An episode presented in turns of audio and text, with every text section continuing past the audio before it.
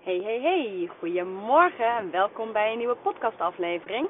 Nou ja, voor mij is het goedemorgen. Ik heb geen idee uh, hoe het bij jou is. Misschien is het voor jou al goede avond. Um, en nou ja, goedemorgen moeten we misschien een klein beetje tussen haakjes zetten. Want het is maandagochtend. Ik ben uh, weer wederom vroeg opgestaan. Als je me volgt op Instagram, dan heb je meegekregen dat mijn standaard opstaantijd 6 uur is. Het idee is om dat zelfs nog iets naar voren te trekken, naar half 6. Want je krijgt zo ongelooflijk veel gedaan in die ochtend voordat je dan echt zeg maar de wereld ontwaakt en in de actie moet. Um, zo ook vandaag. Dus ik heb al een, uh, een wandeling van uh, nou, dik een half uur erop zitten. Ik heb uitgebreid en op een gemakje gedoucht, aangekleed, ontbeten. En ik ben nu in de auto op weg naar Voorburg. Daar ga ik de laatste observatiedag uh, doen op een school. Maar het is foei druk onderweg. Dus nou, ik ben uh, krap van huis en ik sta al in de file. En ik begreep ook dat er een ongeval is gebeurd, dus het zal nog heel even duren. Nou, de kunst is dan om heel rustig te blijven. En ik dacht, nou, mooi moment om een podcast op te nemen. Die stond eigenlijk voor vanmiddag op het programma, maar aangezien ik nu toch stapvoets rijd, dacht ik, dat kan ook prima nu. En oh, ik heb zoveel met je te delen. En ik weet eigenlijk niet eens waar ik moet beginnen. Um, maar laat ik gaan proberen om het kernachtig vorm te geven. Um, of me dat gaat lukken, ga ik niet beloven, hè? maar dan weet je dat vast.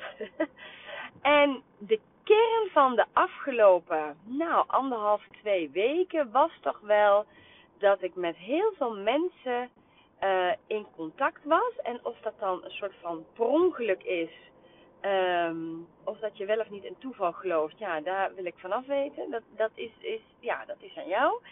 Maar um, ik kwam dus een hoop mensen tegen die eigenlijk allemaal aan het struggelen waren met um, hulpvragen.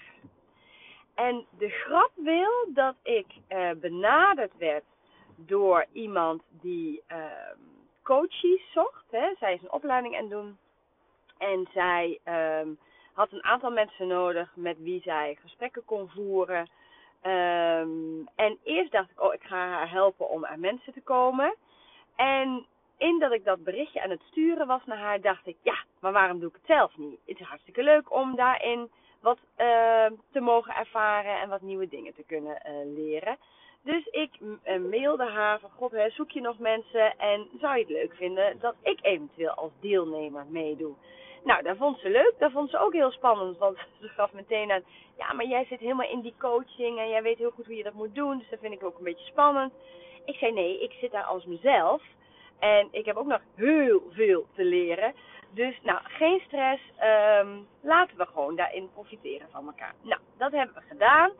En afgelopen donderdag was de eerste sessie. En ik moet zeggen, ondanks dat ik niet, nou op een aantal dingen na trouwens, maar dat ik niet gruwelijk veel nieuwe informatie kreeg, voelde ik wel heel erg dat ik dacht: oh, wat is het toch heerlijk als iemand je gewoon even op weg helpt. En in mijn geval ging dat over de balans tussen, nou even tussen haakjes aan en uitstaan. Um, nou, als je me een beetje kent, dan weet je dat ik nogal wat energie heb. En dat uh, mijn uh, hoofd soms overuren maakt. Ik denk ook dat ik iemand ben die heel erg in mijn hoofd zit. Maar ik vind het wel heel belangrijk om die uh, connectie met mijn lijf veel meer te gaan ontwikkelen. Omdat ik denk dat je lichaam namelijk heel veel signalen geeft en heel veel kennis aan je levert eigenlijk. Waar je wat mee mag en misschien wel moet doen. Dus nou, die, die, die balans in, in ontspanning, inspanning, uh, nou, goed zorgen voor jezelf, et cetera, et cetera. Dat kwam heel erg aan de orde. En um, het feit dat ik dacht, oh wat is het toch heerlijk dus als iemand je daarin even op weg helpt. Dat vond ik zo'n eye-opener weer, omdat ik daarvoor een heleboel mensen heb gezien en gesproken die ook zo aan het struggelen waren. Maar dan, hè, waar ik dan me op richt, namelijk gedrag van kinderen. Dus toen dacht ik, hier wil ik eigenlijk wel een podcast aan wijden. Wat ik namelijk zie in de praktijk is dat um, ja, hoe ga ik dat nou eens even heel goed verwoorden? Want je weet, hè, ik bereid deze podcast in mijn hoofd wel voor. Maar ik wil het niet een podcast laten zijn die super gelikt is, die van A tot Z is voorbereid, die helemaal uitgeschreven is, waardoor ik hem bijna op ga lezen. Dus ik probeer echt gewoon vanuit nou, mijn hoofd, heb je hem weer. mijn hoofd, maar ook mijn hart met je te delen. Uh, nou ja, wat ik beleef, wat ik vind, uh, inzichten met je te delen, et cetera. En um, nou ben ik de draad even kwijt. Dat krijg je dus wel als het niet voorbereid is. Ik had het over dat ik dat met je wil delen, omdat ik dus mensen tegenkom die aan het struggelen zijn. Oh ja, rondom gedrag. En dat waren zowel professionals als ouders. Dus zeg maar opvoeders in zijn algemeenheid. En wat me heel erg opvalt, is dat mensen met de beste intentie, ja, daar was het van leven, met de beste intentie de dingen doen. Daar geloof ik ook oprecht in, omdat als ik dat niet zou geloven, dat heb ik wel eens vaker benoemd, dan zou ik deze podcast helemaal niet kunnen maken en dan zou ik mijn werk niet eens meer kunnen doen. Dus ik geloof heel erg dat iedereen met de juiste intentie de dingen doet. Betekent dat ook dat dat dan automatisch ook de meest handige dingen zijn? Nee, dat denk ik dus niet. De intentie is goed, maar ik geloof niet dat mensen daarin altijd het meest handige doen. En um, om het even heel praktisch te maken, ik was uh, in gesprek met een leerkracht. En zij had wat uh, nou, pittige leerlingen in haar klas. Die dynamiek was best wel heftig. Kinderen die toch ook heel erg gewend leken te zijn om dingen te weigeren, nee te zeggen, de strijd op te zoeken, storend te zijn, om aandacht uh, te, te, te, genereren als het ware. En uh, nou, ze was super hard aan het werk. Maar ik zag ook een aantal dingen waarvan ik dacht, hmm, dit is nou niet per se de meest handige manier om dit zo te doen. Dus nou, we hadden daar een nagesprek over. En nou, er waren ook heel veel dingen goed, zoals ik al zei. Dus daar uh, begon ik ook mee. Dat vind ik ook super belangrijk. Um, en vervolgens gaf ik aan van, God, zijn er dingen waar jij nog wat tips of tools over zou willen? Nou, dat wilde ze wel, maar heel veel wat ik toen benoemde werd afgedaan, maar ja maar, ja maar. En toen zei ik tegen haar, uh, nou ik weet niet meer wat ik letterlijk zei, maar het kwam er in ieder geval op neer dat ik zei, maar ja maar, nee grapje. Um, als jij dingen wil veranderen in die dynamiek tussen de kinderen, um, en jij doet nu al een tijdje wat je doet, dan heeft het volgens mij niet zo heel veel zin om hetzelfde te blijven doen met de wens of de overtuiging dat het een ander effect gaat hebben. Want dat gaat het niet zijn. Dat gaat het niet zijn. Als jij hetzelfde blijft doen wat je altijd doet, maar je wil daadwerkelijk dingen veranderen, dan heeft het geen zin om datzelfde te blijven doen. Dus, um, nou, het gesprek vorderde en toen gaf ze aan, ja, ik vind het zo lastig om dan te horen dat ik misschien iets anders moet doen dan ik gewend ben. Zeg maar, is dat dan omdat je bang bent dat je faalt? Of is dat omdat je denkt dat ik het niet goed vind? Of dat je omgeving het niet goed vindt? Nou, zei ze, wat een beetje meespeelt, is dat ik vind dat ik het allemaal moet kunnen. Dacht ik, oh, die is heel herkenbaar. Ook bij mezelf. Uh, maar zegt ze ook dat ik het dan lastig vind om maar gewoon te zeggen: help me, vertel me wat jij denkt dat ik zou moeten doen. En um, dat vond ik wel een heel mooi inzicht. En dat vond zij gelukkig van zichzelf ook. Omdat zij, ja, daar zit dus de bottleneck. Omdat ik het zo graag zelf wil doen. Omdat ik het lastig vind om dan maar gewoon in alle openheid uh, te zeggen: hey, help mij. Dat zorgt ervoor dat ze het eigenlijk een beetje van zich afhoudt. Dus ik vroeg aan haar van, zou je die overtuiging ook een beetje kunnen laten varen? Zou het je dienen, zou het je dus helpen als je denkt, weet je, ik ga eens de dingen die Annemarie zegt, of die mijn directie zegt, of IB'er zegt, die ga ik eens proberen toe te passen en ik laat eens even de gedachte ja maar varen. Wat zou dat opleveren? En uh, nou, dat is ze gaan doen. En ze mailde de, de, de afgelopen week, mailde ze van god, ik heb eigenlijk een aantal hele fijne dagen gehad, omdat ik toch dingetjes net iets anders ben gaan doen. Dus niet ineens een compleet andere, andere juf willen zijn, want dat hoeft helemaal niet. Maar net even iets anders, Waardoor um, zij dus merkt dat haar leerlingen ook net iets anders gaan reageren. En in haar geval is dat net iets anders genoeg om de sfeer in de klas te verbeteren. En ik vond dat zo'n waardevol uh, moment, omdat ik dacht, maar daar zit hij volgens mij. We zijn zo geneigd uh, in het omgaan met kinderen, in het opvoeden aan zich, om te vinden dat we het allemaal zelf moeten doen. Om uh, te zoeken naar hoe moet het anders, maar eigenlijk doen we feitelijk niks anders. We zijn er heel erg mee bezig, maar het praktisch veranderen doen we dan weer niet. We denken er vooral veel over na. Um, en dat gaat dus te weinig effect hebben. Nou, diezelfde situatie had ik met een ouder. Um, en dit zijn twee situaties in de afgelopen anderhalve week waarin ik er denk ik wel, nou misschien acht of negen soortgelijke situaties heb gehad. En deze ouder zei, uh, nou, het gros van de tijd gaat het bij ons eigenlijk best prima. Maar er zijn van die periodes, dan loopt het niet. Het stroomt niet. Het is, het is gewoon niet gezellig in huis. Er wordt veel gemopperd. Die kinderen zeuren, die, die bepalen, die, die huilen, die hebben korte lontjes, die maken ruzie. Ze zegt, en dan blijf ik heel hardnekkig hetzelfde doen in de hoop dat het dan wel verandert. Maar dat gebeurt niet. Dus nou, dat zijn we gaan onderzoeken, wat ze dan precies deed en hoe ze dat deed. En wat ik heel grappig vond, um, is dat ze zei, ja, al die opvoedtermen, die ken ik wel.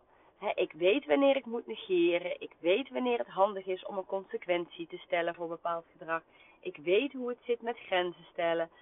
Maar op het moment dat het dan dus lastig wordt, ingewikkeld wordt, omdat je misschien zelf ook wel een drukke periode hebt. Nou, laten we ervan uitgaan dat iedereen zo in aanloop naar die decembermaand en de decembermaand zelf toch enige stress ervaart. Als jij die uitzondering bent die dat niet heeft, maar dan ook echt niet, hè, nul.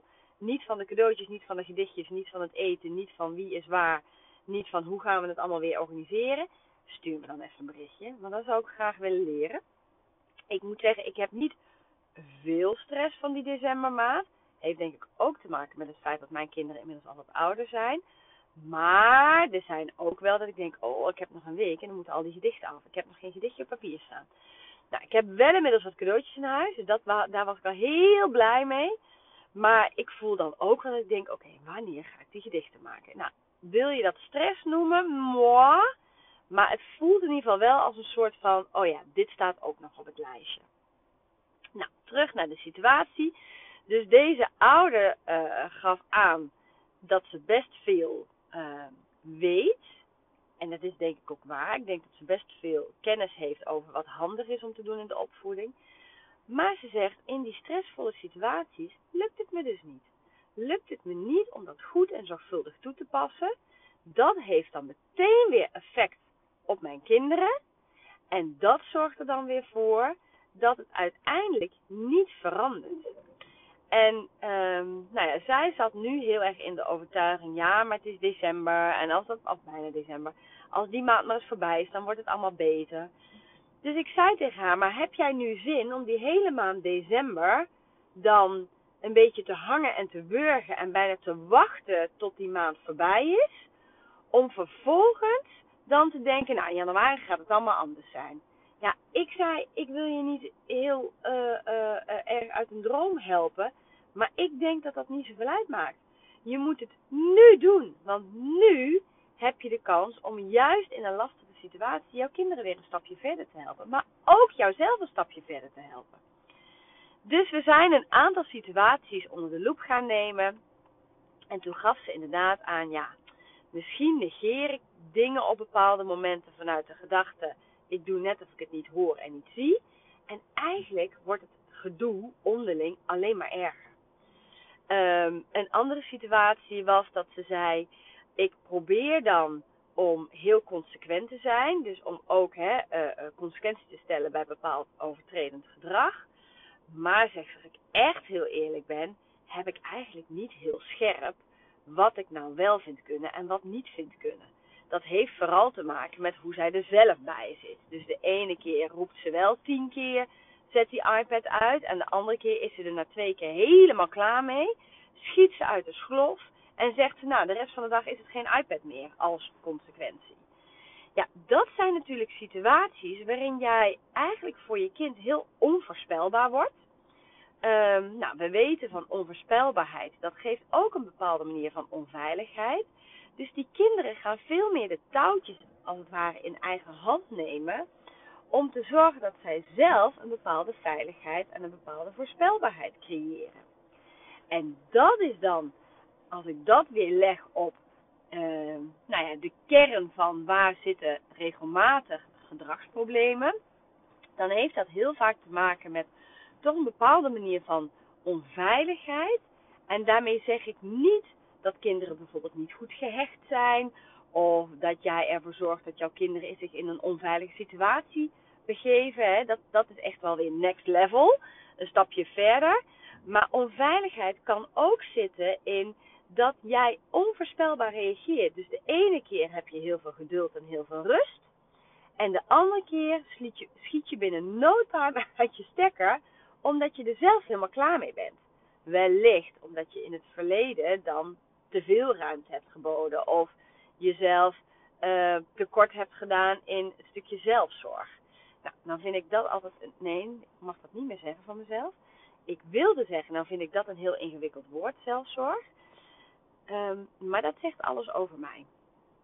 Even een heel klein uitstapje. Um, zelfliefde, zelfzorg, dankbaarheid. Ik voel dat wel en ik weet ook hoe belangrijk het is. Maar die woorden roepen iets bij me op. Um, en ik ben dat nog een beetje aan het onderzoeken bij mezelf. Waardoor ik denk, maar waarom heb ik zo'n allergie daarvoor? Want ik vind de inhoud van die woorden super belangrijk, super waardevol. Moet eigenlijk bovenaan ieders lijstje staan.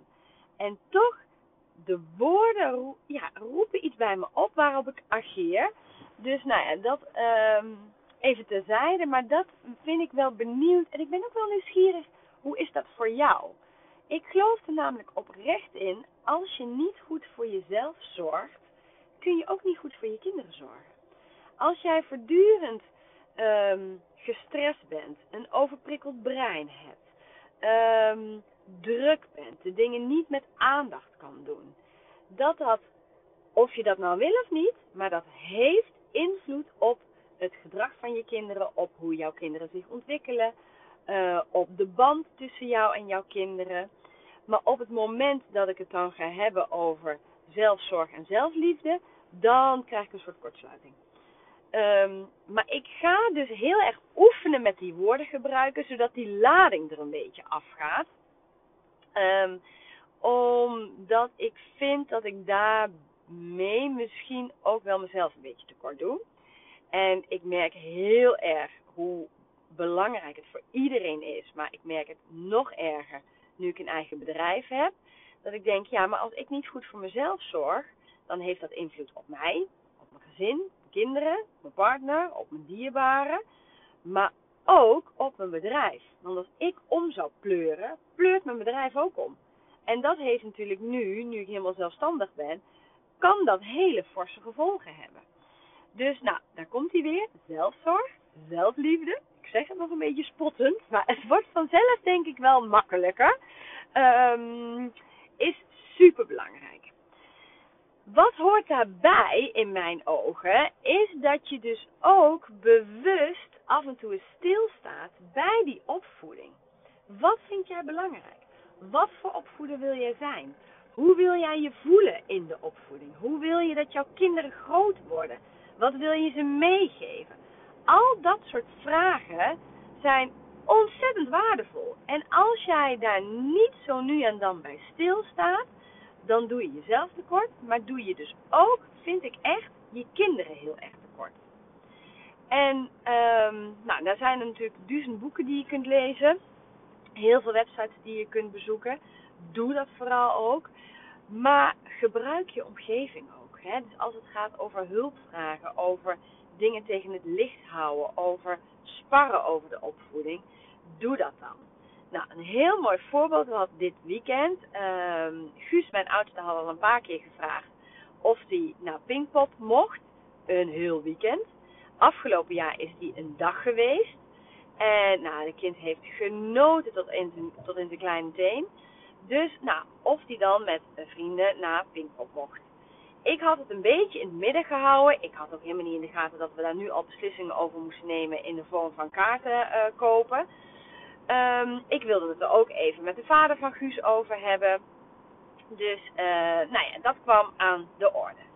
Vervolgens um, nou, dat die kaarten dit weekend besteld moesten worden. Dus zaterdagochtend weer een appje, want hij was bij zijn vader. Mam, vind je het goed dat ik naar Pinkpop ga het hele weekend? Dus ik moest heel eerlijk gezegd heel even schakelen. Ik even snel contact met zijn vader gezocht. Hé, hey, wat vinden we daarvan? Hoe kijken we daarna? Bla bla bla. En eigenlijk kwamen we tot de conclusie dat we het prima vonden. Maar ik vind er diep van binnen ook wel iets van. In de zin van dat ik het best een beetje spannend vind. Ik denk, ja, het is dan net 17. Um, ehm, nou ja, je wil niet weten uh, wat ik op mijn 17e al allemaal deed. Maar goed, het is toch ook je kind. En het is ook, het is, ja, het is ook een, een. Ze hebben in coronatijd natuurlijk ook heel weinig kunnen doen. Dus ik vind dat hij nu pas daarin echt heel erg aan het groeien is. Um, en toen zei een vriendin van me, want we hadden smiddags uh, een feestje. Het was uh, ook weer heerlijk dat het allemaal kan. Hè? Ik heb al meer feestjes gehad, maar dit was ook weer zo'n feestje dat ik dacht: oh, wat heerlijk dat je iedereen gewoon weer dichtbij je kan hebben. En hoe fijn het is om, om bij elkaar te zijn. Het was weer even zo'n uh, bewustwordingsmoment. En toen zei zij, Ann, omarm dat hij dit wil doen. Toen dacht ik, oh ja, dat is ook zo. Nou, dus zij stelde mij de vraag, de vraag die ik altijd aan anderen ook zou stellen. God, maar wat hè, maakt nu dat jij toch uh, daar moeite mee hebt?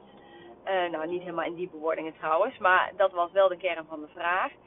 En zei ik, ja, ik ben gewoon bang dat er iets overkomt. Of dat hij domme dingen doet. Of uh, ik, ik weet natuurlijk als de beste. Ik moet dat loslaten. Ik moet hem het vertrouwen geven. En dat voelt ergens ook zo. Maar het is ook weer zo lekker als je dan even met iemand kunt sparren. Terwijl je prima weet hoe het zit en welk werk ik te doen heb voor mezelf. Um, dat iemand zegt, meid, omarm het. Het is prachtig dat hij dit wil. En hè, eh, juich het toe. En uh, nou ja, toen was de situatie voor mij. Oh, er komt even een einde vertraging uh, uh, berichtje van Flitsmeister binnen. Nou, ik weet niet of je dat hoort, maar uh, bij deze. Um, en dat was voor mij weer even zo'n eye-opener dat ik dacht: oh, dat sparren met elkaar is zo waardevol. Het hulp vragen, het onderzoeken waar nou, het werk te doen zit, zeg ik altijd. Hè?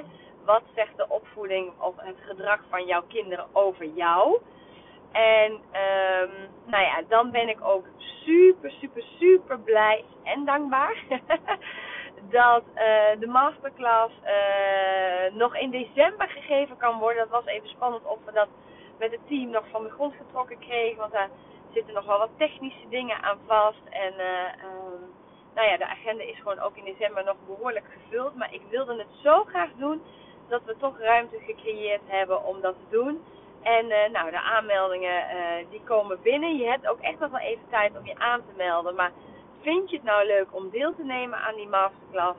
Waarin we echt even, uh, nou ja, stap voor stap die opvoeding eens onder de loep gaan nemen. En even gaan kijken naar jouw handelen, jouw eigen eh, staat van zijn. Maar ook hè, het gedrag van je kinderen. En wat kun je nou heel concreet doen om daar weer invloed op te gaan uitoefenen, om daar goed grip op te krijgen, zodat je kind er ook daadwerkelijk iets van leert. Dat uh, uh, gaan we allemaal behandelen in de masterclass. Dus nou, ga even naar mijn Instagram en dan in de linktree. En als je niet weet wat dat is, hè, dan ga je dus naar mijn pagina en dan zie je ergens een linkje staan, Linktree. En als je daar dan op klikt, dan kom je bij een aantal uh, uh, soort klein keuzemenuutje. En ik geloof de bovenste is uh, masterclass opvoeden doe je zo. Uh, je mag ook even naar de website gaan. En dat is www.annemariestevens.nl Ook daar kun je aanmelden. En geloof me, het wordt een super leuke en waardevolle anderhalf uur. Het kost je 17 euro inclusief btw. Dus ja, volgens mij hoef je het voor het geld niet te laten. En ik, ik beloof je vanuit mijn diepste uh, van mijn hart dat je echt daarna gaat denken: oh, ik heb gewoon weer zin om te gaan opvoeden. Ik heb zin dat die kinderen morgenochtend wakker worden. Want dan kan ik alle dingen die ik geleerd heb, die ik uh, bewuster wil gaan doen, die ik anders wil gaan doen, kun je gaan toepassen.